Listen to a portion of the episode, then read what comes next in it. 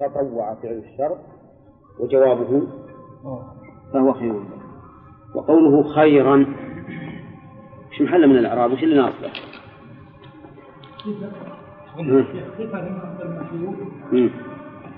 أو مفعول به. أو حال مفعول به يا شيخ نعم طيب. الآن فمن تطوع تطوعا خيرا. أو من تطوع خيرا على أن نجعل. تطوع بمعنى فعل. فتكون خيرا مفعول به. أو نجعل فمن تطوع طلبا للخير فتكون مفعولا من أجله. والمعنى على كل التقديرات المعنى واحد. يعني فمن فعل الطاعة يقصد بها الخير فهو خير له. ومعلوم أن الفعل ما يكون طاعة إلا إذا كان موافقا لمرضاة الله عز وجل بأن يكون خالصا لوجهه موافقا لشريعته. فإن لم يكن خالصا لم يقبل. وإن كان خالصا على غير الشريعة لم يقبل. لأن الأول شرك والثاني بدعة. وقوله فمن تطوع خيرا بس في الفوائد. فهو خير له. فهو خير له من إيه؟ يعني بمعنى هل نجعل خير اسم تفضيل؟ اسم تفضيل. يعني خير له من من سواه؟ أو نقول إن هذه خير اسم دال على الفضل مجردا عن مجردا عن التفضيل. لأن ما عندنا الآن مفضل ومفضل عليه. يحتمل أن يقال فمن تطوع خيرا فهو خير له ممن من عدمه. لكن كان هذا المعنى ضعيف. لأن كون اللي يتطوع خيرا خير له من عدمه أمر معلوم. فهو كقول القائل السماء فوقنا والأرض تحتنا. وقول الآخر كأننا والماء من حولنا. قوم جلوس حولهم ماء. نعم. لكن الظاهر والله أعلم أنها بيان لأن هذا خير فقط مطلق. وأنه مجرد عن اسم التفضيل الأفضلية فمن تطوع خيرا فهو خير له. ويدخل في هذه الخيرية أنه يجزى الحسنة بعشر أمثالها إلى سبعمائة ضعف. إلى أضعاف كثيرة. ثم قال وأن تصوموا خير لكم. هذا واضح أن المراد بالخير هنا التفضيل. يعني أن تصوموا خير لكم من الفدية. وهذا يمثل به النحويون للمصدر المؤول آه للمبتدأ المؤول. فإن قوله وأن تصوموا أن مصدرية وتصوم فعل مضارع والمبتدأ ما يكون إلا اسما. لكن هنا مؤول ولا لا؟ والتقدير؟ وصيامكم خير لكم. وصيامكم خير لكم. طيب سؤالك. قول خير ما في مفعول مطلق. ها؟ مفعول مطلق. أي. تطوع خيرا. إيه وش قلنا قلنا. قل لأجله. أي مفعول به. مفعول به مفعول مطلق نعم. وأن تصوموا خير لكم. يعني من الفدية. وقوله إن كنتم تعلمون هذه جملة مستأنفة. والمعنى إن كنتم من ذوي العلم فافهموا. وإن هنا ليست شرطية فيما قبلها. يعني ليست وصلية كما يقولون. يعني معناه ليس خيرا لنا إن علمنا فإن لم نعلم. فلا فلا خير بل إنه مستأنفة ولهذا ينبغي أن تقف. وأن خير. استدل بها على حكم الكبير والشيخ. الشيخ والشيخة لا يطيقان الصيام. قال يطعمان عن كل يوم مسكينا. نعم. ابن عباس استدل بهذه الآية على أن الكبير الذي لا يطيق الصوم يطعم من كل يوم مسكين. فوجه استدلاله رضي الله عنه هو أنه لما جعل الله سبحانه وتعالى الإطعام عديلا للصيام فخير بينهما كان العجز عن الصيام وش يعين؟ يعين الإطعام. لأن الله تعالى جعل الإطعام عديلا للصيام عند القدرة عليه. فعلم من هذا أن من لا يقدر على الصيام وعجز عنه عجزا مستمرا فإنه يأتي بما جعل عديلا له وهو الإطعام. وهذا من فقهه رضي الله عنه. هذا فقه طيب قوله تعالى وأن تصوموا خير لكم من حيث الإعراب. كيف نعربها عبيد؟ وش نعرف أن تصوم؟ اعرفه تفصيلا.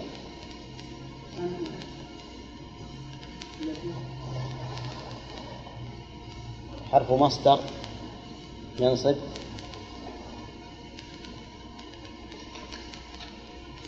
أن حرف مصدر. ينصب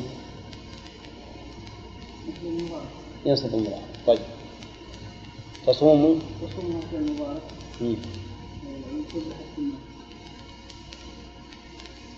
منصوب بأن في نصبه نعم. والواو. فاعل طيب. وأن وما دخلت عليه؟ أن وما دخلت عليه.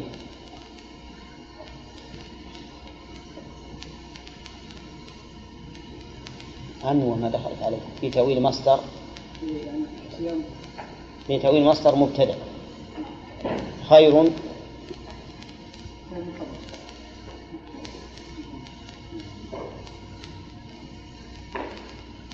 في ضم ظهر في آخره. طيب قوله تعالى إن كنتم تعلمون هل هو قيد في الخيرية ولا ماذا؟ كنتم تعلمون؟ خير لكم إن كنتم تعلمون. يعلمون الناس يا خير يعني فإن لم تعلموا فليس خيرا لكم.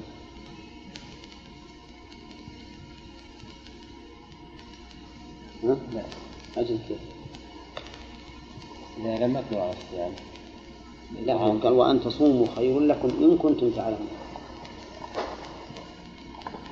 بعضهم ما يعني إذا قلنا إن هذا الشرط عائد على الجملة التي قبله صار المعنى أنه خير لنا إن علمنا فإن لم نعلم فليس خيرا لنا.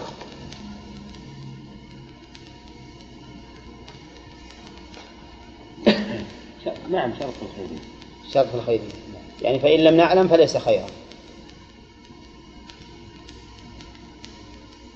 يعني الذي سواء علم ولا ما علم خير له أجل كيف نقول في هذه الجملة الشرطية إذا تحقق الصيام وصام فهو خير لهم إذا ما صاموا الجملة مستأنفة مستقلة. صح. ما هي قيد في التي قبلها؟ ليست قيدا بل هي مستقلة.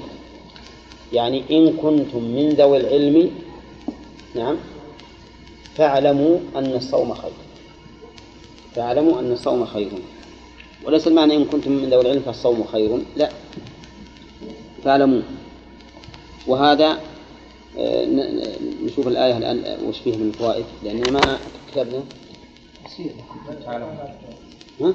تفسير إن كنتم تعلمون. لا أخي ما كتبنا الفوائد ما كنا الصيام الدرس يعني كملنا آية الوصية طيب. أعوذ بالله من الشيطان. قال الله تعالى يا أيها الذين آمنوا كتب عليكم الصيام إلى آخره. يستفاد من هذه الآية الكريمة أهمية الصيام لأن الله تعالى صدره بالنداء وأنه من مقتضيات الإيمان لأنه وجه الخطاب إلى من؟ إلى المؤمنين. وأن تركه مخل به. لأنه إذا كان من مقتضياته فتركه يخل به نقص فيه. ويستفاد منه من الآية الكريمة فرضية الصيام. منين؟ كتب. من قوله كتب. ويستفاد منه أن الأمم السابقة تصوم. من قوله كما كتب على الذين من قبلكم. ويستفاد به استعمال تسلية الإنسان بما ألزم به غيره ليهون عليه القيام به. تؤخذ كما كتب على الذين من قبلكم ويستفاد من الآية أيضا فضل هذه الأمة. حيث حيث كتب الله عليها ما كتب على من قبلها لتترقى إلى درجات الكمال. كما ترقى إليه إليها من سبقه نعم. ويستفاد من هذه الآية الحكمة في إيجاب الصيام. قوله لعلكم تتقون. ويستفاد من الآية الكريمة فضل التقوى وأنه ينبغي سلوك الأسباب الموصلة إليها. لأن الله أوجب الصيام لهذه الغاية. إذا فهذه الغاية غاية عظيمة. ينبغي الإنسان أن يسلك السبل الموصلة إلى التقوى. وهذا يتفرع عليه فائدة أخرى وهي اعتبار الذرائع. يعني ما كان ذريعة إلى الشيء فإن له حكم ذلك الشيء. فلما كانت التقوى واجبة كانت وسائلها واجبة. ولهذا يجب على الإنسان أن يبتعد عن مواضع الفتن. لا ينظر إلى المرأة الأجنبية ولا يكلمها كلاما يتمتع به معها. لماذا؟ لأنه يؤدي ويكون ذريعة إلى إلى الفاحشة فيجب اتقاء ذلك. حتى الرسول صلى الله عليه وسلم أمر من سمع بالدجال أن يبتعد عنه لئلا يقع في فتنته. ويستفاد من هذه الآية الكريمة أن أن الله سبحانه حكمة الله عز وجل. يستفاد منها حكمة الله سبحانه وتعالى بتنويع العبادات بتنويع العبادات. لأننا إذا تدبرنا العبادات وجدنا أن العبادات متنوعة. منها ما هو مالي محض ومنها ما هو بدني محض ومنها ما هو مركب منهما بدني ومالي. ومنه ما هو فعل ومنه ما هو كف. فالصوم ما هو؟ كف. عن المحبوبات. كف عن المحبوبات والكف عن المحبوب قد يكون أشق من طلب الفعل. أليس كذلك؟ يمكن بعض الناس لو تطلب منه يفعل أشياء فعل لكن ما ما يستطيع أن يكف عن محبوباته. فهذا من حكمة الله سبحانه وتعالى في التكليف وتعبده عباده سبحانه وبحمده أنه نوع لهم العبادات لأجل أن يمتحنهم ربما يكون الإنسان كريم يكون الإنسان كريما. فيكون بذل الزكاة عليه من أهون ما يكون.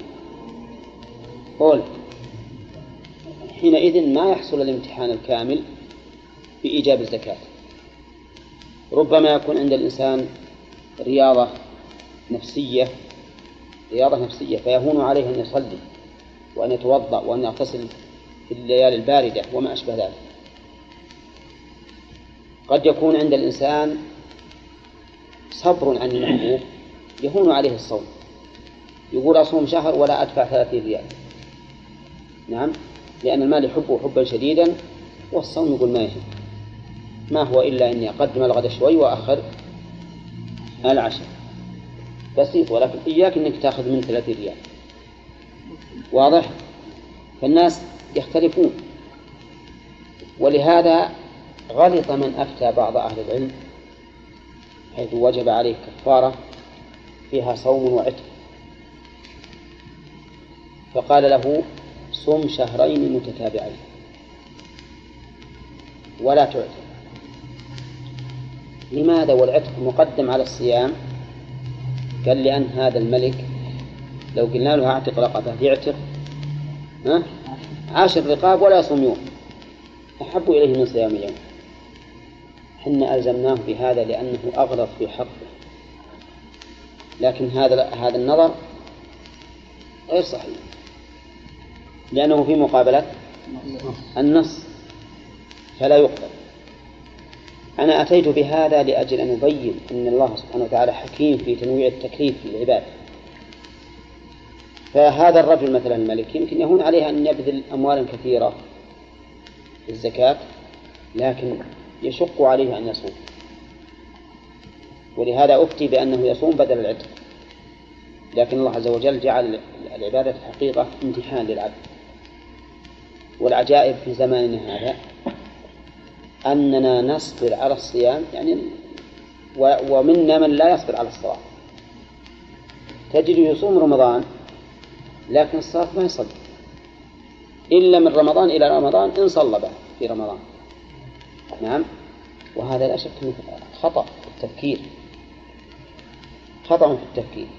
لكن الصلاة حيث أنها تتكرر كل يوم صارت هينة على الإنسان. والصوم نعم يكون عنده صعب. ولهذا إذا بغوا يلمون شخصا يقول هذا مو بيصوم ولا فيبدأون بترك الصوم. وهذا من السفر طيب نرجع إلى الآية. ومن أياما معدودات إلى آخره. نعم. يتقون وما يقلون الصيام لا إلا لا. لا. يؤخذ من يا أيها الذين آمنوا ما يصوم إلا المؤمن لأنه مقتضيات الإيمان. لا نعم هذه حكمة التشريع نعم. يستفاد منها أيضا حكمة التشريع مما ذكرنا. ذكرناها. نعم. سمعت شيخ بالحر من قصة الملك هذا. نعم. قال لا بالمصالح المرسلة اي صحيح؟ لا ما هو صحيح. مو صحيح. والمصالح المرسلة لا نرى إثباتها. لأن المصالح المرسلة المصالح المرسلة. إن كانت ص... إن كانت مصلحة حقا فالإسلام قد قد اعتبرها وإن لم تكن مصلحة فالإسلام لم يعتبرها. هذا الرجل لاحظ إن نكلف الرجل هذا بالصيام لاحظ هذا.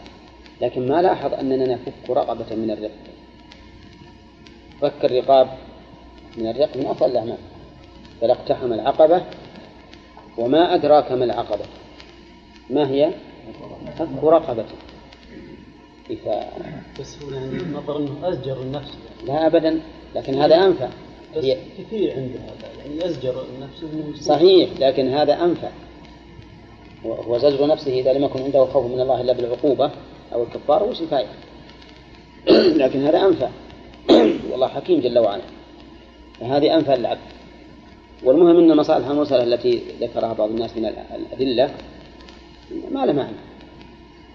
هي في الواقع إن كانت مصلحة معتبرة في الشرع قد أتى بها وإن لم تكن مصلحة فالشرع قد ألغاها. وليس مخالفة الشرع وليس في مخالفة الشرع مصلحة أبدا. طيب قوله تعالى أيام معدودات فمن كان منكم مريضا أو على سفر فعدة من أيام أخر يستفاد من هذه الآية أن الصوم أيام قليلة أيام معدودات. ويستفاد منها أيضا سلوك الأساليب التي تهون على المرء ما يتوقع مشقته عليه. كيف ذلك؟ سلوك الأساليب التي تهون على الإنسان ما يتوقع أن يشق عليه. إذا قيل أياما معدودات يعني أنها بسيطة ما هي صعبة؟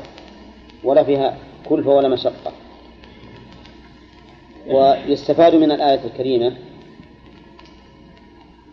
رحمة الله عز وجل بعباده.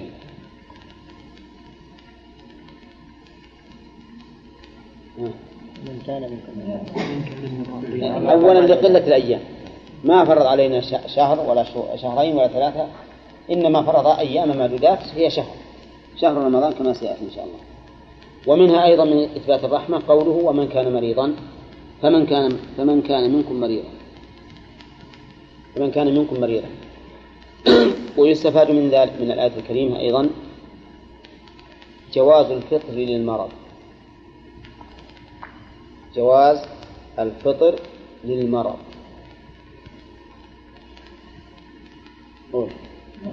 طيب. ألا يستفاد منها الإيماء إلى أن الفطر أفضل؟ ها؟ منين؟ نعم فعدة من أيام أخرى. فعدة من أيام أخرى. فأرسل فتح الله الباب. ما قال فلا يصوم؟ بل قال فعدة من أيام أخرى. فهذا كأنه فتح باب للمريض أن أن يفطر. واعلم أن المريض بالنسبة للفطر ينقسم إلى ثلاثة أقسام. أولا أن لا يتأثر بالمرض قصد بالصوم أن لا يتأثر بالصوم إطلاقا ولا يشق عليه الصوم مع مرضه. فهنا يصوم ولا يفطر؟ يصوم يجب أن يصوم. ثانية أن يشق عليه الصوم أن يشق عليه الصوم لكنه ما يضره. الصوم هنا مكروه يكره أن يصوم مع المشقة لأنه لا ينبغي للإنسان أن يشق على نفسه بما رخص الله له فيه لأن هذا الإشقاق على النفس مع مع ترخيص الله عز وجل كأنه ينبئ عن كون الإنسان غير قابل لهذه الرخصة. غير قابل. وقد قيل إن اللئيم من يرد الكريم. والكريم يحب أن أن يأخذ الناس برخصه. كما جاء في الحديث أن الله يحب أن تؤتى رخصه.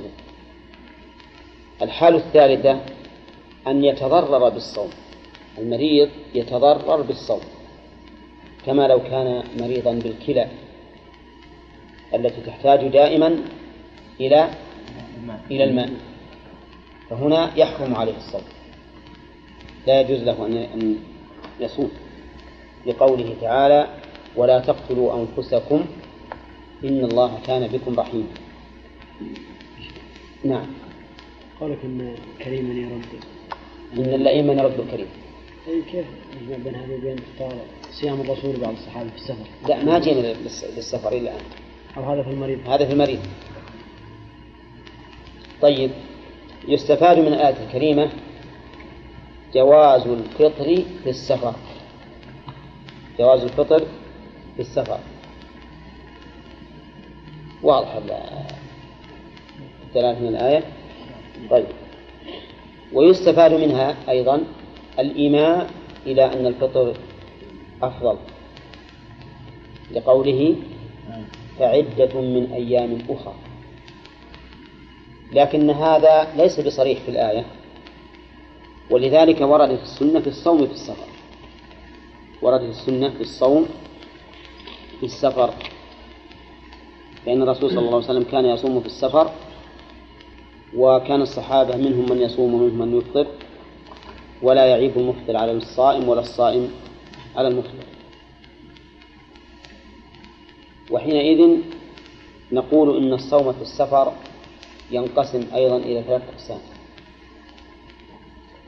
الأول أن لا يكون فيه مشقة إطلاقا.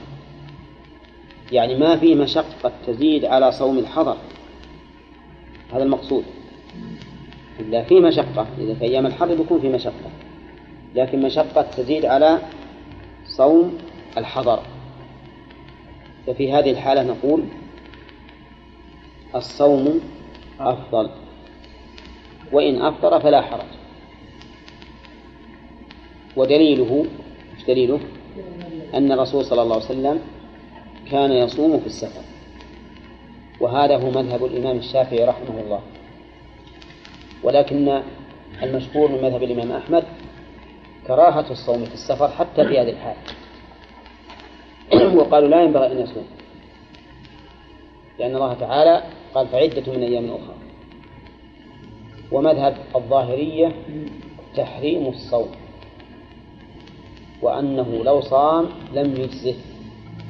لأن الله قال فعدة من أيام أخرى فجعل الواجب عليه عدة من أيام أخرى. لكن هذا القول ضعيف جدا. وكذلك المشهور من الإمام أحمد ضعيف. الحالة الثانية أن يشق عليه الصوم لكن مشقة محتملة.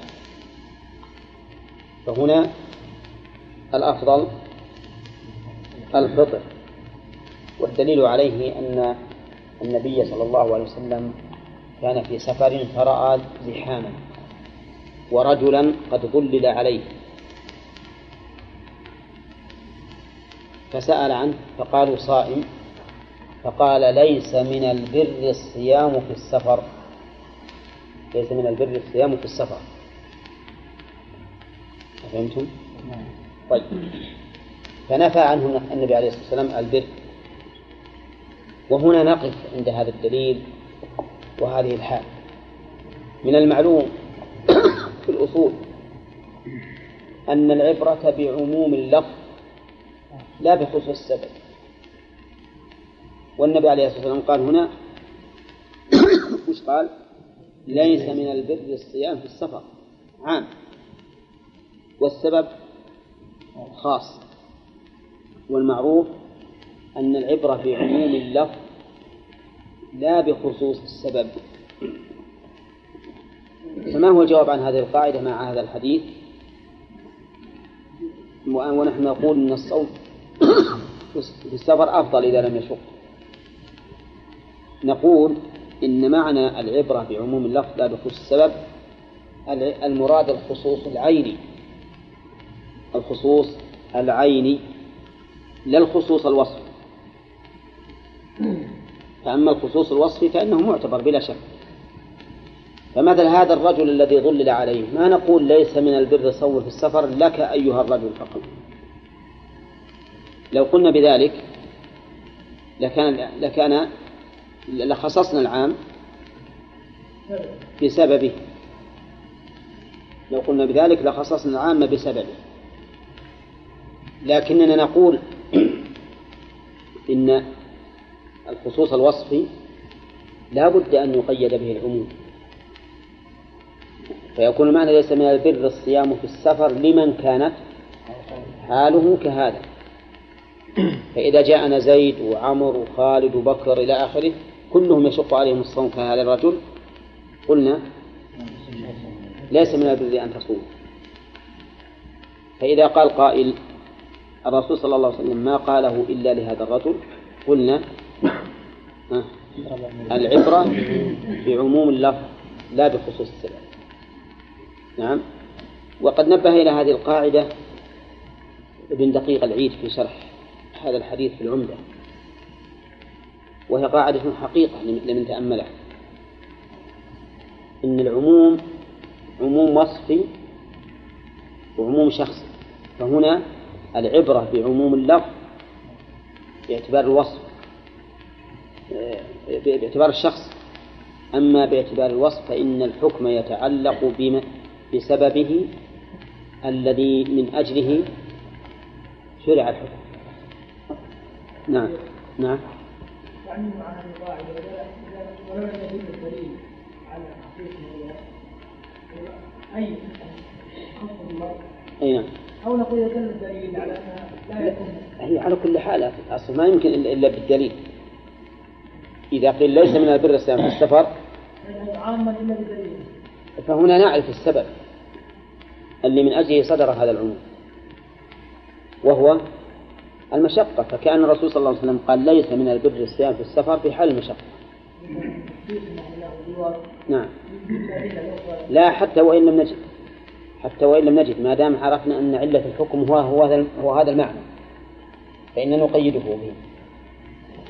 طيب ومريضا أو على سفر يستفاد من هذه الآية الكريمة أيضا أن الحكم معلق بما يسمى سفرا بدون تقييد. من أين تؤخذ؟ ها؟ ذكرت رأيين لا يكون في مشقة وأن يشق عليه شقة محتملة. أي الحالة الثالثة. ما هو الرأي الثالث؟ الحالة الثالثة أن يشق الصوم على المسافر مشقة شديدة. لا تحتمل. فهنا يتعين الفطر. يتعين الفطر. ودليله ما ثبت في الصحيح أن الرسول صلى الله عليه وسلم كان في غزوة مكة. أتاه أصحابه فقالوا يا رسول الله إن الناس قد شق عليهم الصيام وإنهم ينتظرون ما تفعل. فدعا بماء بعد العصر. فشربه والناس ينظرون. ثم جيء إلى النبي عليه الصلاة والسلام وقيل له إن بعض الناس قد صام. فقال أولئك العصاة أولئك العصاة. والمعصية ما تكون إلا في فعل إلا في فعل المحرم فإذا كان هذا الرجل شق عليه الصوم في السفر مشقة شديدة فإنه يجب عليه أن يفطر لماذا لا, لا, لا يفطر؟ لماذا يتعب نفسه ويشق على نفسه والأمر فيه سعة يستفاد من هذه الآية الكريمة أن السفر الذي يباح به الفطر غير مقيد بزمن ولا مساحة. قول. من من الإطلاق. أو على سفر. أو على سفر. لكن قال بعض العلماء لا بد أن يستغرق سفره يوما. لا بد أن يستغرق سفره يوما. لأن أقل فطر يمكن ما هو؟ اليوم. أقل فطر يمكن هو اليوم. فلا بد أن يكون هذا السفر مستغرقا لليوم. فمن أراد أن يسافر مثلا إلى الرياض في أول النهار ويرجع في آخر النهار فإننا نقول له لا تفطر لا تفطر لأن لأن هذا أقل مما أبيح لك. أبيح لك أن تفطر رمضان وهنا هذا بعض اليوم لا يسمى صوم. وهذه وهذا لا هذا الحكم واضح جدا على قول فقهاء الحنابلة الذين يقولون من علم أنه يقدم غدا لزمه الصوم. يقولون رحمهم الله إن الإنسان إذا علم أنه يقدم غدا مثل أفرض أنك أنت في مكة تعرف أنك بكرة تبي تسافر إلى بلادك وتصل بلدك قبل غروب الشمس يقول يجب عليك أن تصوم وأنت في مكة لأنك ستقدم إلى بلدك. نعم. وهذا في الحقيقة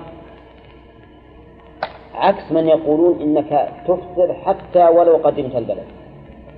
كان في رأي بعض العلماء أن المسافر إذا قدم مفطرا جاز له أن يستمر على فطره.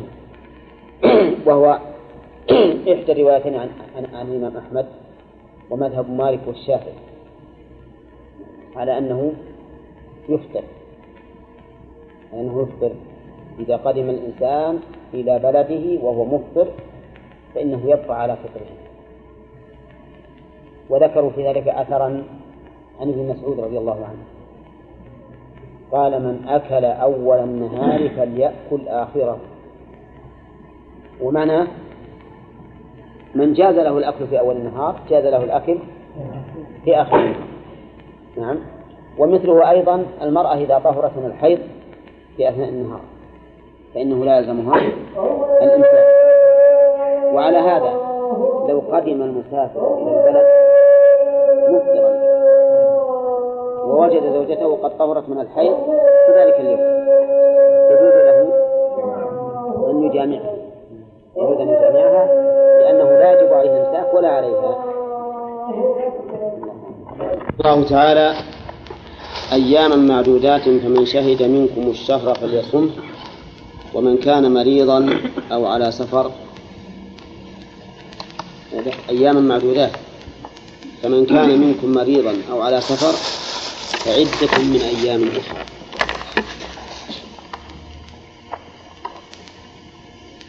قوله وعلى الذين يطيقونه فدية طعام مسكين. هذا اللي وقفنا عليه في المناقشة. يعني وقفنا على شهر رمضان؟ طيب. قال الله تعالى شهر رمضان الذي أنزل فيه القرآن. شهر الشهر هو مدة ما بين الهلالين.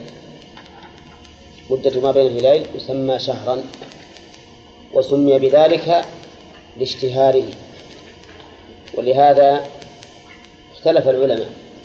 هل الهلال ما هل في الأفق وإن لم يرى أو أن الهلال ما رؤي واشتهر والصواب الثاني وأن مجرد وجوده طلوعه في الأفق لا يترتب عليه حكم شرعي حتى يرى ويتبين ويشهد. وقول شهر رمضان هذا من العلم المضاف. شهر مضاف ورمضان مضاف إليه. ورمضان ممنوع من الصرف للعلمية وزيادة الألف والنون. العلمية وزيادة الألف والنون. مأخوذ من الرمز واختلف لماذا سمي برمضان؟ فقيل لأنه يرمض الذنوب. يرمض الذنوب أي يحرقها. نعم. وقيل لأنه أول ما سميت الشهور بأسمائها صادف أنه في وقت الحر والرمضاء فسمي شهر رمضان. وهذا أقرب لأن الظاهر أن هذه التسمية كانت قبل قبل الإسلام. كانت قبل الإسلام. وقول الشهر رمضان يجوز أن تقول شهر رمضان ويجوز أن تقول رمضان كما ستذكر في الفوائد إن شاء الله. ها؟ وين؟ نعم. يعني أسماء أسماء. أما تعينها فإنها من الله. تعينها من الله. وأما الأسماء في إصطلاحية سميتها وقوله شهر رمضان شهر رمضان الذي أنزل فيه القرآن خبر مبتدأ محذوف. تقديره هي أي الأيام المعدودات شهر رمضان. نعم هي شهر رمضان. وقوله رمضان الذي أنزل فيه القرآن الذي صفة شهر فمحلها الرفع وقولها الذي أنزل فيه القرآن أي أنزله الله تعالى فيه. وقول فيه القرآن القرآن. هل المراد به الجنس؟ فيشمل بعضه أو المراد به العموم؟ فيشمل كله. قال بعض أهل العلم إنه إن أل للعموم. فيشمل كل القرآن. وهذا هو المشهور عند كثير من المفسرين. وعلى هذا القول يشكل الواقع لأن الواقع أن رمضان أن أن أن القرآن نزل في رمضان وفي شوال وفي ذي القعدة وفي ذي الحجة في جميع الشهور. ولكن أجابوا على عن ذلك بأنه روي عن ابن عباس رضي الله عنهما أن القرآن نزل من من اللوح المحفوظ إلى بيت العزة في رمضان. وصار جبريل يأخذه من هذا البيت فينزل به على رسول الله صلى الله عليه وسلم. لكن هذا الأثر ضعيف. ولهذا الصحيح أن أل هنا للجنس. وليست للعموم وأن معنى أنزل فيه القرآن أي ابتدأ إنزاله. كقوله إنا أنزلناه في ليلة مباركة وإنا أنزلناه في ليلة القدر. وقوله أنزل فيه القرآن أنزل معروف أن النزول يكون من من فوق من أعلى. وذلك لأن القرآن كلام الله عز وجل والله سبحانه وتعالى فوق السماوات على عرشه. وقولها القرآن القرآن مصدر. مثل الغفران والشكران. الغفران بالضم والشكران بالضم والقرآن بالضم كلها مصادر. لكنه بمعنى اسم الفاعل. أو بمعنى اسم المفعول. قيل إنه بمعنى اسم المفعول. أي المقروء. وقيل بمعنى اسم الفاعل أي القارئ. يعني الجامع. لأنه من قرأ بمعنى جمع. ومنه القرية لأنها مجمع الناس. ولا ولا يتنافى أن نقول إنه من هذا ومن هذا. لأنه بمعنى اسم الفاعل واسم المفعول. وقوله القرآن أنزل فيه القرآن هدى للناس وبينات من الهدى والفرقان. هدى من الهداية وهي الدلالة. من الهداية وهي الدلالة.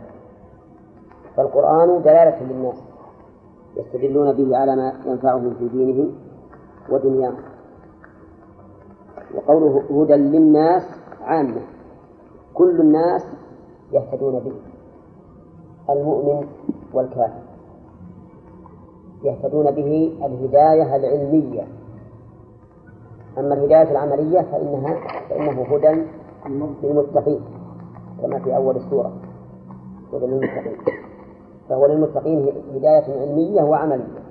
وهو للناس عموما هداية علمية. وقوله هدى كلمة هدى هذه هل هي مفعول من أجله؟ أو حال من القرآن؟ إن كانت مفعول من أجله فالمعنى أنزل لهداية الناس. وإذا كانت حالا فالمعنى أنزل هاديا للناس. هاديا للناس. وهذا أقرب. لقوله وبينات من الهدى والفرقان. وبينات فهو هدى وبينات. وقوله للناس الناس تقدم لنا كثيرا أن أصلها الأناس. ومنه قول الشاعر وكل أناس سوف تدخل بينهم جويهية تصفر منها الأنامل.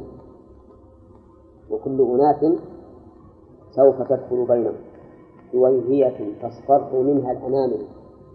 لكن لكثرة استعمالها حذف همزة نعم فقيل الناس والمراد بهم البشر. المراد بهم البشر لأن بعضهم يأنس ببعض. ويستعين به. وقوله وبينات معطوفة على هدى. بينات من الهدى والفرقان. يعني أنه ليس هداية دلالة فقط بل هداية مع البراهين. لأن البينات هي البراهين والأدلة.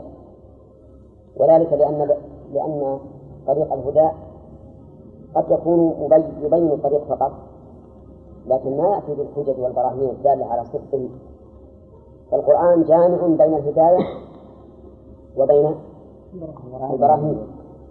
الدالة على صدق ما جاء فيه من الأخبار وعلى عدل ما جاء فيه من الأحكام. وقوله من الهدى والفرقان هذه صفة لبينات يعني أنها بينات من هذا النوع من الهدى وهو الدلالة والإرشاد والفرقان الفرقان مصدر أو اسم مصدر فرق يفرق تفريقا وفرقانا. فهو أي القرآن فرقان يفرق بين الحق والباطل. وبين الصدق والكذب وبين حزب الله وحرب الله وبين النافع والضار. فرقان في كل شيء فرقان في كل شيء. ولهذا الموفق لهداية القرآن يجد الفرق العظيم في ما دل عليه القرآن. والإنسان الذي في قلبه زيغ والعياذ بالله تشتبه عليه الأمور ولا يستطيع أن يفرق بين الأمور المتشابهة بين الأمور المختلفة. تجد تشتبه عليه الأمور وتلتبس فلا يفرق بين مختلفها ولا يجمع بين ما توافق فيه أو ما موفقها وقوله وبينات من الهدى والفرقان. من جملة الفرقان أنه يفرق أيضا بين الثواب والعقاب. ولهذا في الغالب أن الثواب يأتي مفصلا والعقاب يأتي مجمعا ما نقول دائما لكن في الغالب. إذا رأيت مثلا هل أتى على الإنسان حين من الدهر قال فيها الله عز وجل إنا أعتدنا للكافرين سلاسل وأغلالا وسعيرا. بس. وأهل الجنة؟ وقد أنشد بعض الناس في هذا بيتا. طيب. من يحفظه؟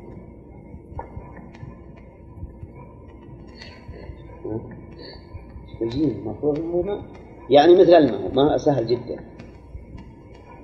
هو قوله اسمية طلبية وبجامد وبجامد وبجامد وبما وقد وبلن وبالتنفيذ صح؟ إيه.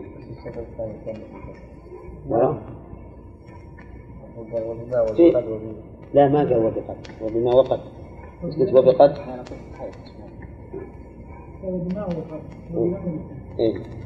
وبما وقد وبلن وبالتمثيل. اسمية طلبية. هذه لمانة طلبية. فليصم. واللام لام الأمر. فليصمه وسكنت لوقوعها بعد الفاء. وهي تسكن يا حسين إذا وقعت. لام الأمر تسكن إذا وقعت بعد.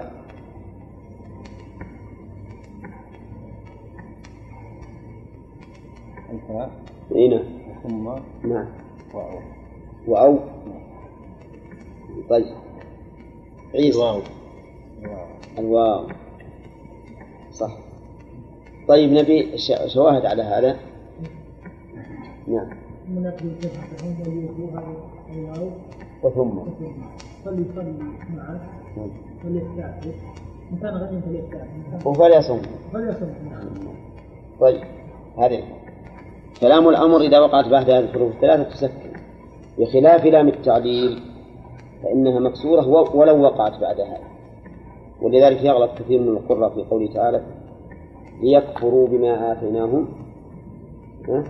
وليتمتعوا. بعضهم يقول وليتمتع وهذه على جعل اللام التعليل ما يصح ما ما يكون. بل تقول وليتمتعوا. إيه. قال فمن شهد منكم الشهر فليصمه شهد بمعنى شاهد. هذا هذا قول. وشهد بمعنى حضر. هذا قول آخر. فعلى القول الأول يرد إشكال في قوله الشهر لأن الشهر قلنا في تعريفه مدة ما بين الهلالين. والمدة تشاهد ولا ما تشاهد؟ أه؟ ما تشاهد المدة زمن مو بشهر طيب. وعلى الثاني فمن شهد منكم الشهر فليصم فمن حضر الشهر فليصم يرد فيها أشكال ولا ما يرد؟ ها؟ ما يرد فيها أشكال. على القول الأول الذين قالوا المراد بشهد من الشهادة. لا من الشهود الذي هو الحضور. قالوا إن الشهر هنا على تقدير مضاف. أي فمن شهد منكم هلال الشهر. هلال الشهر فليصم. أو على أو على رأيهم من باب التجوز بالشهر عن هلاله من باب التجوز بالشهر عن هلاله ولكن القول الثاني أصح. أن المراد بشهد حضر. نعم. المراد به حضر. ويرجح هذا أمران. أحدهما لفظي وهو أنه على هذا الوجه لا يحتاج إلى تقدير ولا إلى تجوز. أولا ثانيا أنه في الوقت الحاضر في بعض الأماكن ما يشاهد الهلال. مثل المناطق القطبية ما فيها هلال. يمضي عليهم شهرين ثلاثة أربعة خمسة ستة. ما شاهدوا هلال فعلى هذا لو علق برؤية الهلال معناه ذلك ما يصومون. فإذا قلنا شهد بمعنى حضر وموجود رؤية الهلال إن صار هذا عاما. فيقال هؤلاء هؤلاء ما دام من الشهر والزمن يشاهد بمعنى حضر فيقدر زمنه لهؤلاء إما باعتبار خط الاستواء أو باعتبار عرض مكة أو باعتبار أقرب البلاد إليه. على ثلاثة أقوال. والمسألة كلها اجتهادية والأقرب أنه يعتبر أقرب البلاد إليه يعني من الناحية الجغرافية هذا هو هو الواقع. طيب وقوله فمن شهد منكم الشهر فليصمه أيضا تؤيد تؤيد القول الثاني إن المراد شهد يعني حضر لأن الهلال لا يصام. والذي يصام الشهر.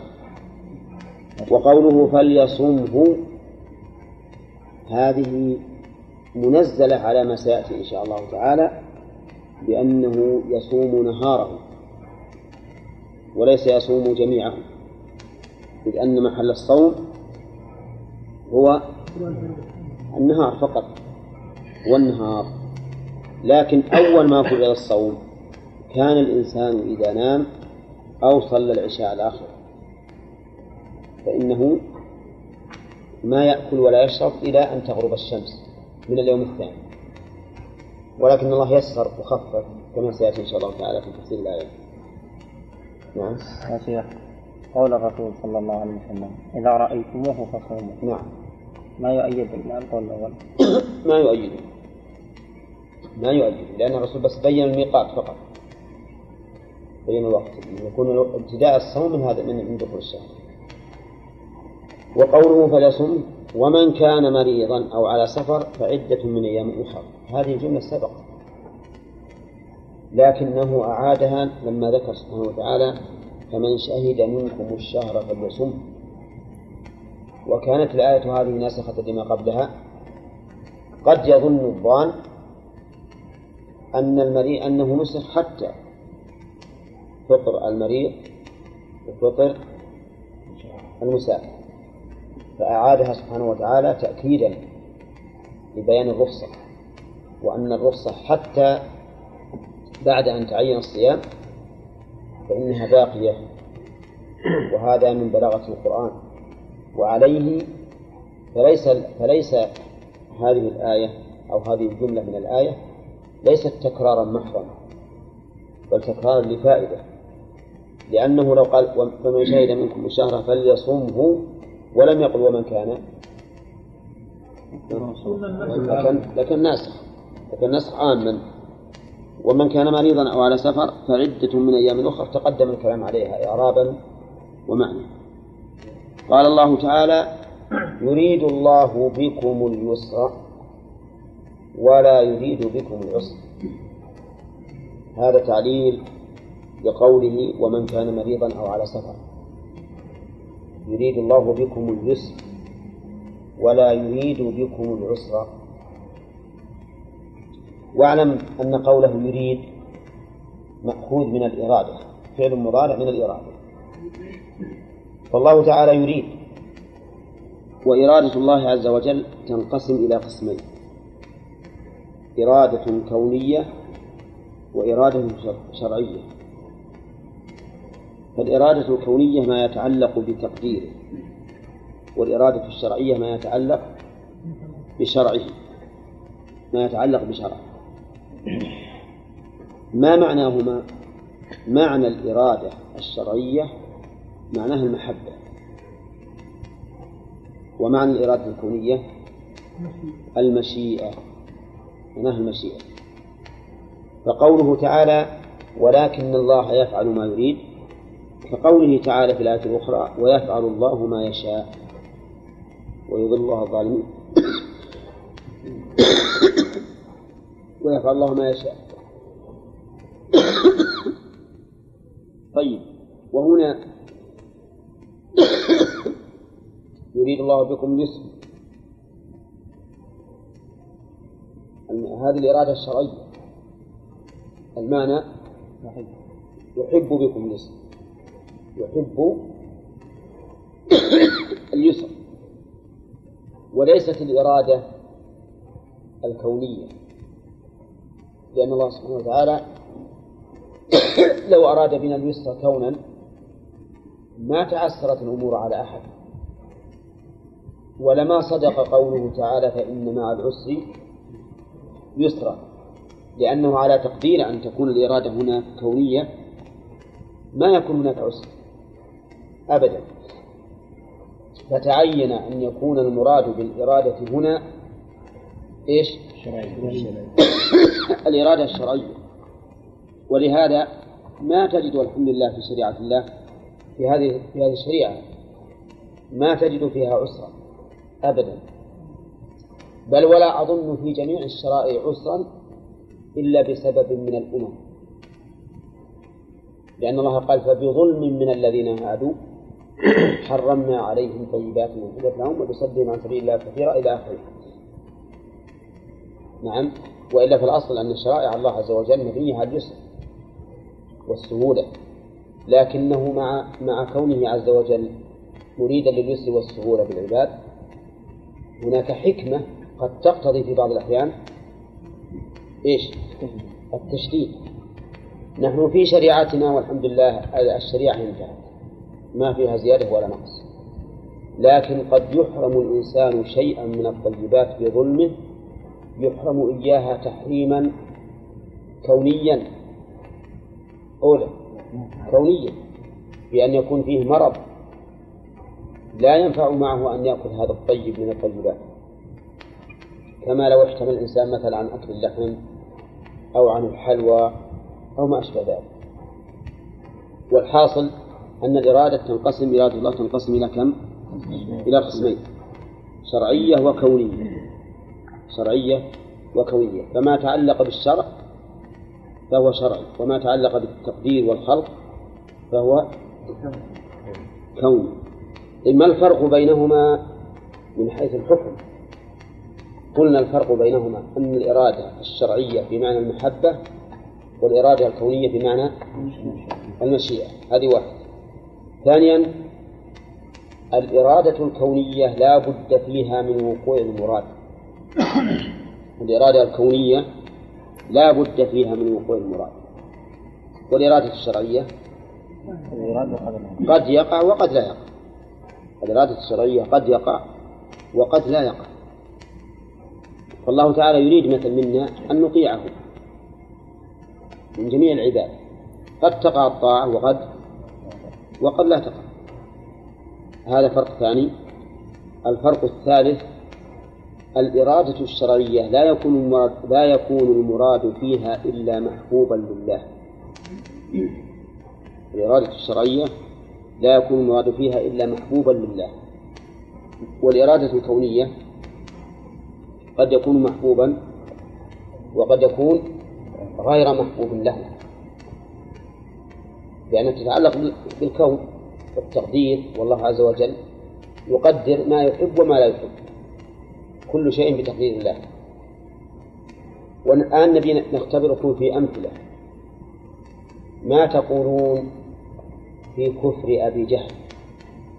هل هو مراد كونا أو شرعا أو كونا وشرعا؟ كونا. كونا لا شرع. ها؟ كونا لا شرع. كونا لا شرعا صح. كونا لأنه وقع. لا شرعا لأنه غير محبوب إلى الله. كذا؟ طيب. ما تقولون في إيمان أبي بكر؟ مراد؟ كونا وشرعا. مراد كونا لأنه وقع. وشرعا؟ لأن الله يحبه. يحب الإيمان.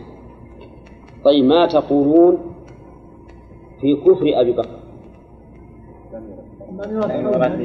لم يرد كونا. ولا شرعا ولا شرعا لم يرد كونا لأنه لم يقع. ولا شرعا. لأن الله سبحانه وتعالى لا يحب الكفر. كذا؟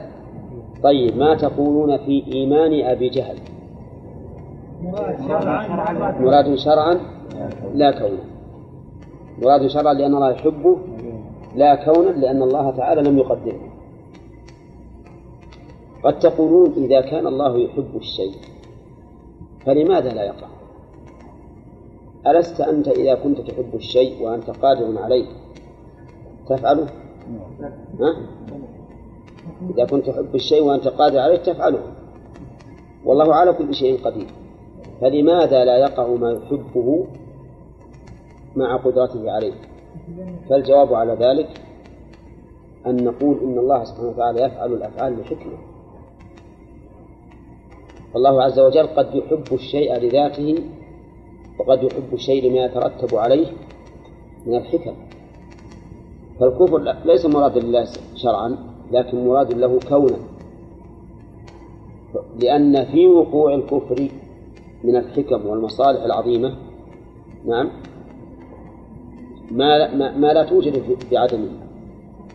لو آمن كل الناس لفسدت الدنيا. ولو كفر كل الناس لفسدت الدنيا. ولكن من حكمة الله عز وجل أن جعل أن خلقنا فمنكم كافر ومنكم مؤمن. وقد قال الله تعالى ولو شاء ربك لجعل الناس أمة واحدة ولا يزالون مختلفين إلا من رحم ربك ولذلك خلقهم. يعني وللاختلاف الذي اقتضته حكمة الله عز وجل خلقهم وتمت كلمة ربك ولولا هذا ما تمت كلمة الله. وتمت كلمة ربك لأملأن جهنم من الجنة والناس أجمعين. فصار هذا المكروه إلى الله شرعا المراد له كونا اقتضت الحكمة وجوده.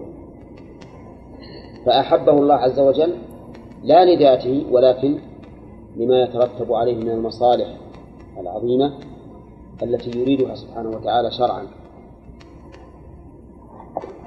فلا يغرنك قول من يقول إنكم إذا وصفتم الله عز وجل بأنه مريد لما يكره فقد وصفتموه بالعجز. فكيف يقع ما لا يريد؟ بأن نقول يقع ذلك لما يترتب عليه من الحكم والمصالح. الآن ولله المثل. لو مثلا واحد عنده ابن يحبه حبا شديدا أصيب هذا الابن بداء لا يبرئه إلا الكي. هل هل الأب يكويه؟ فليسلم ها؟ يكويه. نعم. يكويه بل يسرع إلى كيه.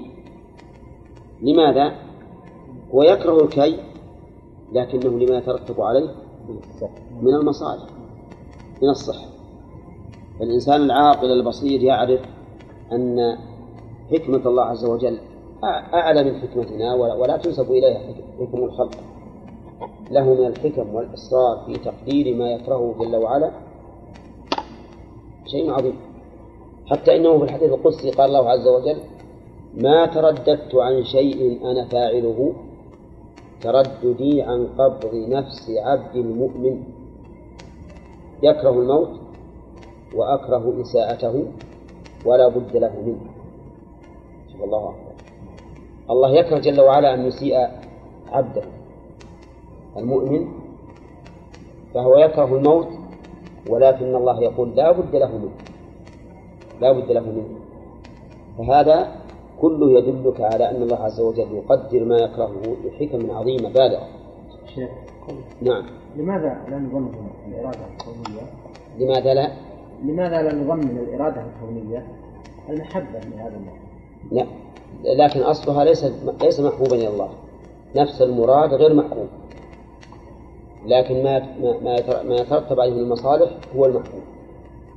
إذا يحبه لا. لأن الإنسان يحب الشيء لا. يترتب عليه. لا بارك الله فيك. المراد نفسه شر معصية. ولا يمكن نقول أن الله يحب المعصية. أبدا. لكن يحب ما يترتب عليها من من من الآثار الحميدة. لولا المعاصي ما قام الجهاد في سبيل الله ولا قام الأمر بالمعروف والنهي عن المنكر ولم تحن الإنسان أيضا بنفسه. لو كان الناس كلهم اللي حولك يطيعون الله ما ما ما تنفرد أنت أنت بالمعصية. حتى لو كنت تريدها ما ذهبت تفعلها. لكن فيها من المصالح المترتبة عليها هذا محبوب إلى الله. أما نفس المراد فليس محبوبا ولا يمكن أن نقول إنه يحبه. إن عقولنا لا تحيط بكل الحكم ولا بشيء من حدود الله. نعم وما أوتيتم من العلم إلا قليلا. فهذه الحكم ربما هذا الشاب لو أنه بقي نعم لحصل له انحراف. ما ندري. ولعله يكون له انحراف لو بقي فيضل هو ويضل الناس. والله سبحانه وتعالى حكيم. فكل شيء يفعله الله عز وجل فاعلم أنه لحكمة. لا لا تظن أنه ليس لحكمة. بل لو ظننت أنه على خلاف الحكمة فاعلم أن ظنك هو الخاطئ. نعم. لأنه وش أنت الإنسان اللي تريد أن تحصل على الله عز وجل حتى تريد حتى تريد منه أن يفعل ما ترى أنه أنت ما تراه أنت حكمة؟ نعم. هل هذا معقول؟ الإنسان الآن ما يبصر طرف الم... طرف المسجد. نعم. ب... ب... بالآلة الحسية وهي... وهي العين. كيف عاد بيبصر الأمور المعنوية؟ الحكم والأسرار التي يتضمنها خلق الله عز وجل وشرعه. ولهذا لو اجتمع الخلق كلهم على أن نقول والله إحنا نجلس نبي نجلس نحلل الشرع. الشرع اللي بأيدينا الآن محصور. الكتاب والسنة نبي نحله نبي نجعل كل مسألة حكمة. يقدرون؟ ما يستطيعون. لأن في أشياء تحار فيها العقول في الحقيقة. من من المشروعات. ما تقدر الإنسان يعللها وهي مشروعات محصورة كيف عد الخلق اللي ما يحصر شيخ. نعم. على هذا القول العدل دائما. القول الحق. دائما يكون عدلا بين تطرفين. إذا تأملت مسائل النزاع لا في المسائل العلمية العقيدية ولا في المسائل العملية الفقهية. إذا تدبرت هذه المسائل وجدت دائما أن الحق وسط بين تطرفين. والعامة يقولون خير الأمور الوسط. اي نعم. كنا بالحقيقة ترى ناخذ عن الموضوع بعض الأحيان. لكنه يمكن نستفيد إن شاء الله. نعم. قول الحديث القدسي ما تردد بشيء؟ نعم. تردد في القدر أي نعم. يعني هذا هذا التردد بارك الله فيك أشكل على كثير من الناس. ولكنه عند التأمل لا إشكال فيه. التردد يكون له سببان. السبب الأول الإشكال على الفاعل أو جهل الفاعل بما يترتب على هذا الأمر. فتجده يتردد فيه هل يفعل ولا ما يفعل؟ فهمت؟ الأمر الثاني التردد يكون سببه العلم لكن هناك مقتض آخر وهو الرحمة. فيتردد الإنسان. ولكنه أخيرا يصمم. مثل ما قلنا الآن الكي يحزن الصبر. ولا لا؟ وتجد الإنسان يتردد. لكن إذا علم ما فيه من المصلحة وأنه لا بد منه أقدم. فالتردد الذي ينزه الله عنه عز وجل التردد الذي سببه الجهل. هل أقدم أو ما أقدم؟ أما التردد الذي سببه العلم لكن يكون هناك مقتض آخر.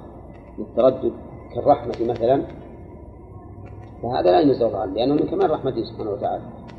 ولهذا قال عن قبض نفس عبد المؤمن. مو كل العباد. فكان فكان بالمؤمنين رحيما الرحمة الخاصة بالمؤمنين إلا أن يتردد جل وعلا لا تردد جهل. مثل ما قلنا العجب. الله يعجب ولا لا؟ يعجب. بالقرآن وبالسنة. قال الله تعالى في القرآن بل عجبت ويسخرون وفي السنة قال النبي عليه الصلاة والسلام عجب ربنا من قنوت عباده وقرب غيره إلى آخره. نعم. فالعجب أنكره بعض الناس قال إن العجب لا يليق بالله لأن العجب سببه جهل الإنسان.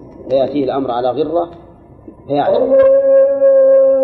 ويقال العجب الذي سببه هذا نزه الله عنه أما العجب الذي سببه خروج الشيء عما يبغى يكون عليه فهذا متعلق بالغيب لا بالمتعجب. العدة. الواو عاطفة. واللام نسألكم هل هي لام الأمر ولا لام التعليل؟ وش الدليل؟ كسرت. آه كسرت. لو كانت لام الأمر لسكنت. ولكنها مكسورة فهي إذن لام لام التعليل وعلى أي شيء يكون العطف؟ ما دمنا قلنا ولتكملوا إن الواو حرف عطف. فأين المعطوف عليه؟ قالوا إن المعطوف عليه قوله اليسرى. يعني يريد الله بكم اليسر ولا يريد بكم العسر ويريد لتكملوا العدة. ويريد لتكملوا العدة. ها؟ واعلم أن أراد إذا تعدت باللام فإن اللام تكون زائدة من حيث المعنى. وذلك لأن الفعل أراد يتعدى بنفسه. فقوله يريد الله ليبين لكم معناه يريد الله أن يبين لكم. وهذه ولتكملوا العدة يعني وأن تكملوا العدة. يعني ويريد الله منا شرعا ولا قدرا؟ شرعا. أن نكمل العدة. وتكملوا فيها قراءتان تكملوا بالتخفيف وتكملوا بالتشديد. وهما بمعنى واحد. قوله ولتكملوا العدة العدة. استنبط بعض الناس من قولها العدة ولم يقل ولتكملوا عدة الشهر. استنبط منه أن من كانوا في الأماكن التي ليس عندهم شهور مثل الذين في الدوائر القطبية. قال هنا ما قال تكملوا عدة الشهر؟ لأنه لا شهر عنده.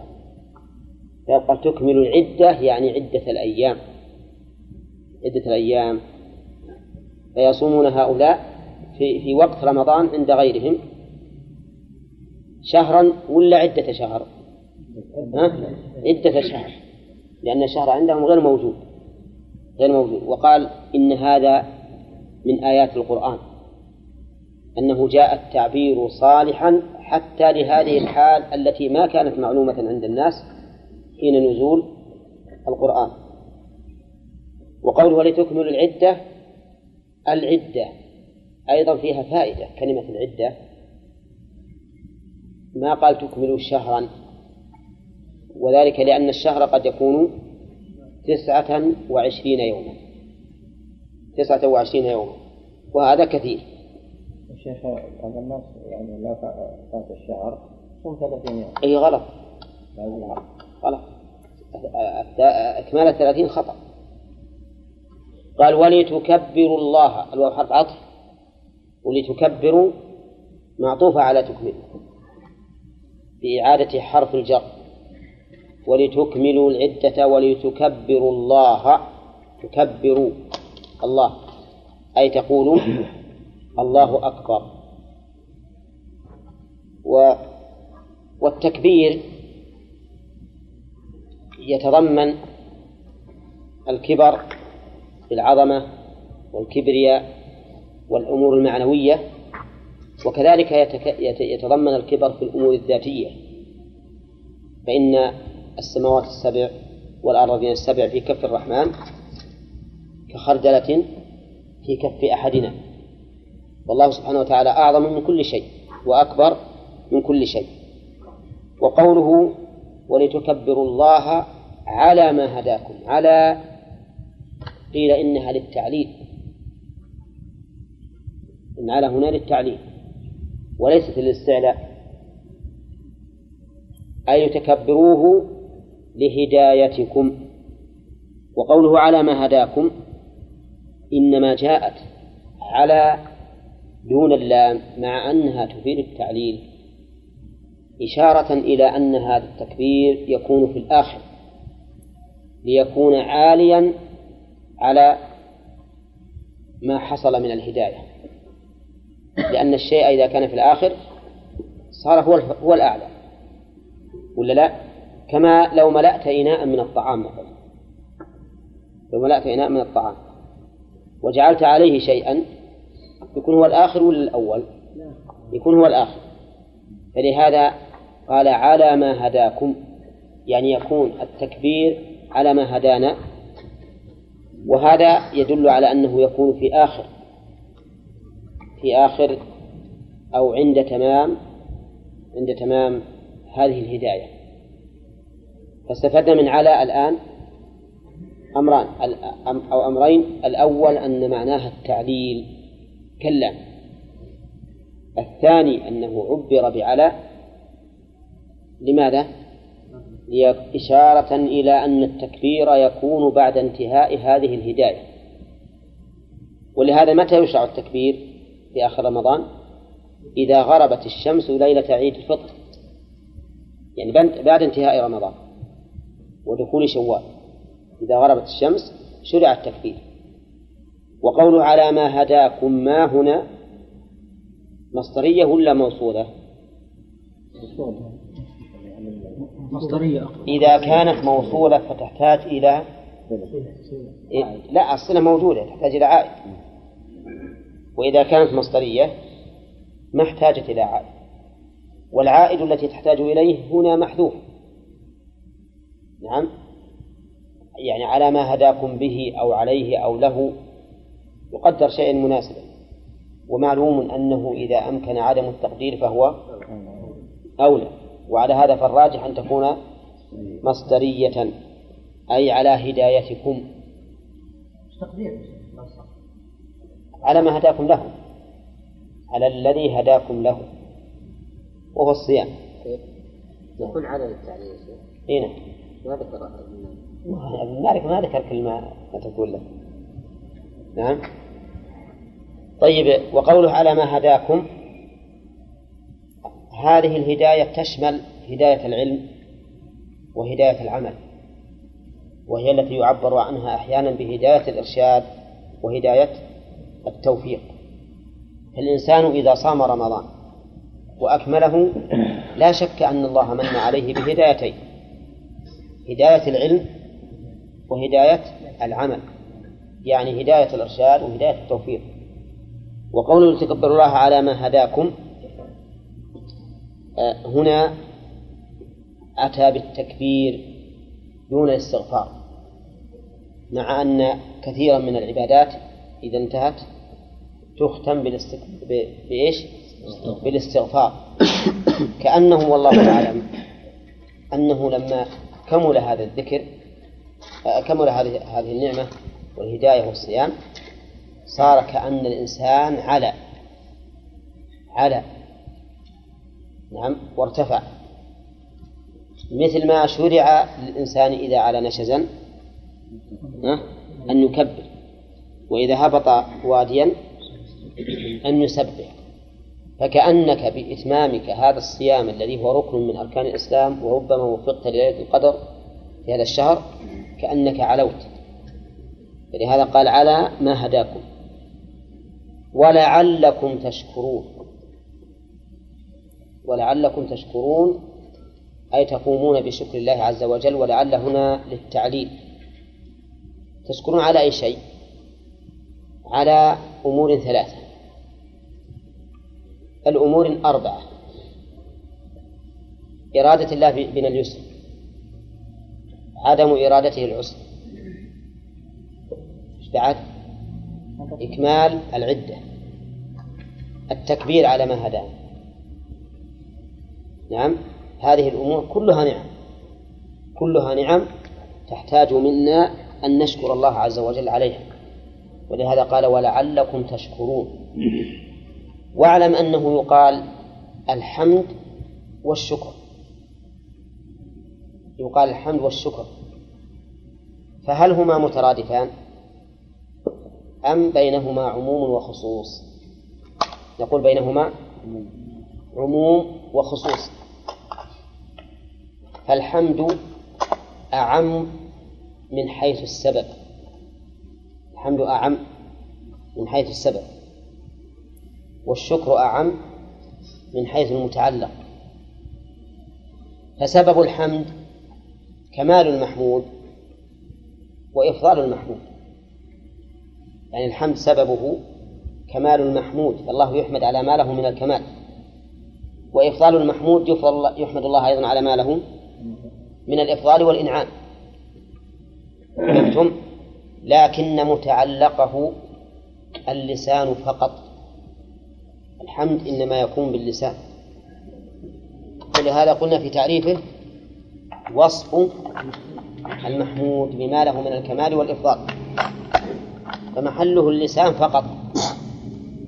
أما الشكر فسببه شيء واحد وهو النعم. سببه النعم. لأنك لا تشكر إنسانا على كماله وإنما تشكره على إنعامه عليك. فالشكر سببه إيش؟ النعمة لكن متعلقه أعم إذ أنه يكون بالقول والقلب والجوارح. يكون بالقلب واللسان والجوارح. وعلى هذا قول الشاعر أفادتكم النعماء مني ثلاثة. يدي ولساني والضمير المحجبة أفادتكم النعماء مني ثلاثة. يدي ولساني والضمير المحجبة أكررها للمرة الثالثة. أفادتكم النعماء مني ثلاثة. يدي ولساني والضمير المحجبة ونطلب من حسين يقرأ عليه.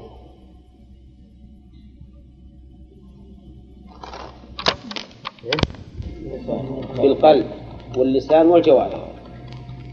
فمن اعترف بقلبه لله بالنعمة فهذا أتى بركن من أركان الشكر لكن بقي عليه ركنان. ومن من اعترف بقلبه ولسانه لله تعالى بالنعمة فقد أتى بركنين وبقي عليه واحد. من اعترف لله تعالى بالنعمة بقلبه ولسانه وجوارحه. فهذا أتى بأركان الشكر كلها. شكر النعمة بالجوارح يكون بأداء ما شرع الله لها أو ما شرع الله فيها. فالمال مثلا شكر الله عليه أن تؤدي زكاته وتقوم بما أوجب الله عليك من نفقات وكذلك تقوم بما شرع الله لك من تجمل بثيابك وما أشبه ذلك. وإذا أنعم الله على عبده نعمة يحب أن يرى أثر نعمته عليه. وإذا كان بالعلم فشكر الله عليه يكون بالعمل به ويكون بتعليمه وبذله للناس بكل طريق وعلى هذا فقس. فشكر النعمة أن تقوم بما شرع الله لك فيها. هذا الشكر الخاص. أما الشكر العام فأن تقوم بطاعة المنعم مطلقا. مطلقا. نعم. هذا الشكر العام الذي يكون به الإنسان شاكرا. يكون به الإنسان شاكرا. وأظنه يجب أن نعرف الفرق بين الشكر الخاص والشكر العام. أولا الخاص أن تقوم بشكر هذه النعمة المعينة والعام أن تكون أن تقوم بشكر النعم على سبيل العموم. فمثلا رجل آتاه الله مالا وعلما فكان يبذل المال فيما يرضي الله عز وجل لكنه شحيح بالعلم. نقول هذا شاكر من وجه من وجه خاص غير شاكر من وجه. ولا نعطيه اسم الشاكر مطلقا ولا نسلب عنه اسم الشكر مطلقا. يقول هذا شاكر من وجه وغير شاكر من وجه. كذا؟ لأن الإنسان يكون فيه خير وشر ويكون فيه إيمان وكفر وفسوق وطاعة كما هو مذهب أهل السنة والجماعة. شيخ طيب من فات رمضان؟ وقضاء. يشرع لهم يقدر لا. ما ما يشرع هذا لا يشرع وبيجينا إن شاء الله بالفوائد بيجينا من أصابته مصيبة نعم. أو شيء من هذا هل له أن يشكر الله سبحانه وتعالى يحمده؟ يحمد ويشكر لأن الشكر حتى هذه إذا ذكر الإنسان ما, ما يؤتيه الله على هذه المصيبة من تكفير السيئات ورفعة الدرجات في الصبر عليها يكون هذه نعمة. يشكر الله. ولعلكم وإذا سألك عبادي عني فإني قريب أجيب دعوة الداعي إذا دعان. فليستجيبوا لي وليؤمنوا بي لعلهم يرشدون. الخطاب في قوله وإذا سألك يعود إلى من؟ إلى الرسول صلى الله عليه وسلم. لأنه هو الواسطة بيننا وبين الله تعالى في إبلاغ الوحي. وليس عائدا إلى كل أحد. هو عائد إلى كل أحد. وقد سبق لنا أن الخطاب الموجه من الله عز وجل قد يكون خاصا بالرسول وقد يكون عاما له وللأمة. حسب السياق. إذا سألك عبادي عني عباد مضاف والياء مضاف إليه والمراد بالعباد هنا العباد المؤمنون. العباد المؤمنون. بدليل قوله أجيب دعوة الداعي إذا دعا والكفار ما ما يدعون الله يدعون معه غيره. وقوله إذا سألك عبادي عني. عن أي شيء؟ عن ذات الله عن صفاته عن قربه عن كرمه الجواب هو الذي يحدد معنى السؤال. الجواب هو الذي يحدد معناه. نشوف الجواب. فإني قريب أجيب دعوة الداعي إذا هم يسألون عن إيش؟ عن القرب والإجابة. عن القرب والإجابة. لأن كلمة عني تحتمل معاني كثيرة معاني كثيرة. لكن يحددها الجواب. وكما يقال إن الجواب على قدر السؤال. إذا سألك عبادي هل هذا يدل على أنهم سألوه؟ أو أنهم سيسألونه؟ أو أنه على تقدير هذا هذا الأمر وفرضه؟ يريدنا ثلاث أشياء. هل تدل الآية على أنهم سألوه؟ أو أنهم سيسألونه؟ أو أنهم إن سألوه فقل كذا. يشمل الجميع يشمل الثالث يشمل الثاني والثالث. لكن أنا ذكرت لكم هذه الاحتمالات الثلاث احتمالات الثلاث لأنه ذكر في هذا الموضع حديث أن الصحابة قالوا يا رسول الله أقريب ربنا فنناجيه؟ أم بعيد فنناديه؟ فأنزل الله تعالى هذه الآية. فأنزل الله هذه الآية وهذا الحديث تكلم فيه العلماء وضع وضعفوا ولكن بعضهم يذكره محتجا به وممن يذكره محتجا به شيخ الإسلام ابن تيمية رحمه الله. وإذا ذكره في هذا الموضع محتجا به دل هذا على أنه عنده حجة وأقل أحواله أن يكون حسنا. لكن كثير من المحدثين ضعفوا هذا الحديث. وسياق الآية لا يدل على أنه سببها. لأنه لو كان لو كان سبب نزول الآية هذا القول لقال كما يعبر في في آيات كثيرة ويسألونك عن اليتامى قل إصلاح لهم خير ويسألونك عن المحيض يسألونك ماذا أحل لهم وما أشبه ذلك. فيأتي بصيغة المضارع الدال على الوقوع. لا بصيغة الماضي المعلق بالشرط. فإن الماضي المعلق بالشرط يدل على عدم على عدم وقوع ذلك الشيء. لكن هل يدل على أنه سيقع؟ أو أو على فرض أن يقع؟ قال علماء البلاغة إن إذا وإن كلاهما شرطيتان. لكن إن لا تدل على الوقوع. قد تعلق بأمر ممتنع غاية الامتناع بخلاف إذا فإنها تدل على الوقوع تدل على الوقوع. مثال ذلك قلت لك إذا جاء زيد فأكرمه. وش معنى هذا؟ إنه يبي يجي وليكن إكرامك إياه عند مجيئه. فإذا قلت إن جاء زيد فأكرمه. ها؟ هذا يدل على أنه قد يأتي وقد لا يأتي. قد يأتي وقد لا يأتي. فهذه الآية إذا سألك ظاهرها أنهم أن السؤال منه متوقع. ظاهرها أن السؤال منه متوقع. وعلى هذا فيكون الله عز وجل أفتاه بأمر قد يكون وهو للكون أقرب. أما إن فقلت لكم إنها لا تدل على وقوع الشيء بل إنها قد تدخل على الشيء الممتنع غاية الامتناع. كقوله تعالى عن نفسه قل إن كان للرحمن ولد فأنا أول العابدين. هذا الشرط ممكن؟ ها؟ غير ممكن. وقوله عن الرسول صلى الله عليه وسلم لئن أشركت ليحبطن عملك. يمكن؟ يمكن هذا ما يمكن. إي نعم. طيب. وأما قوله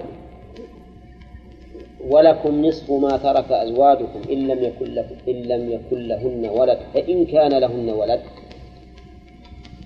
فإن كان لهن ولد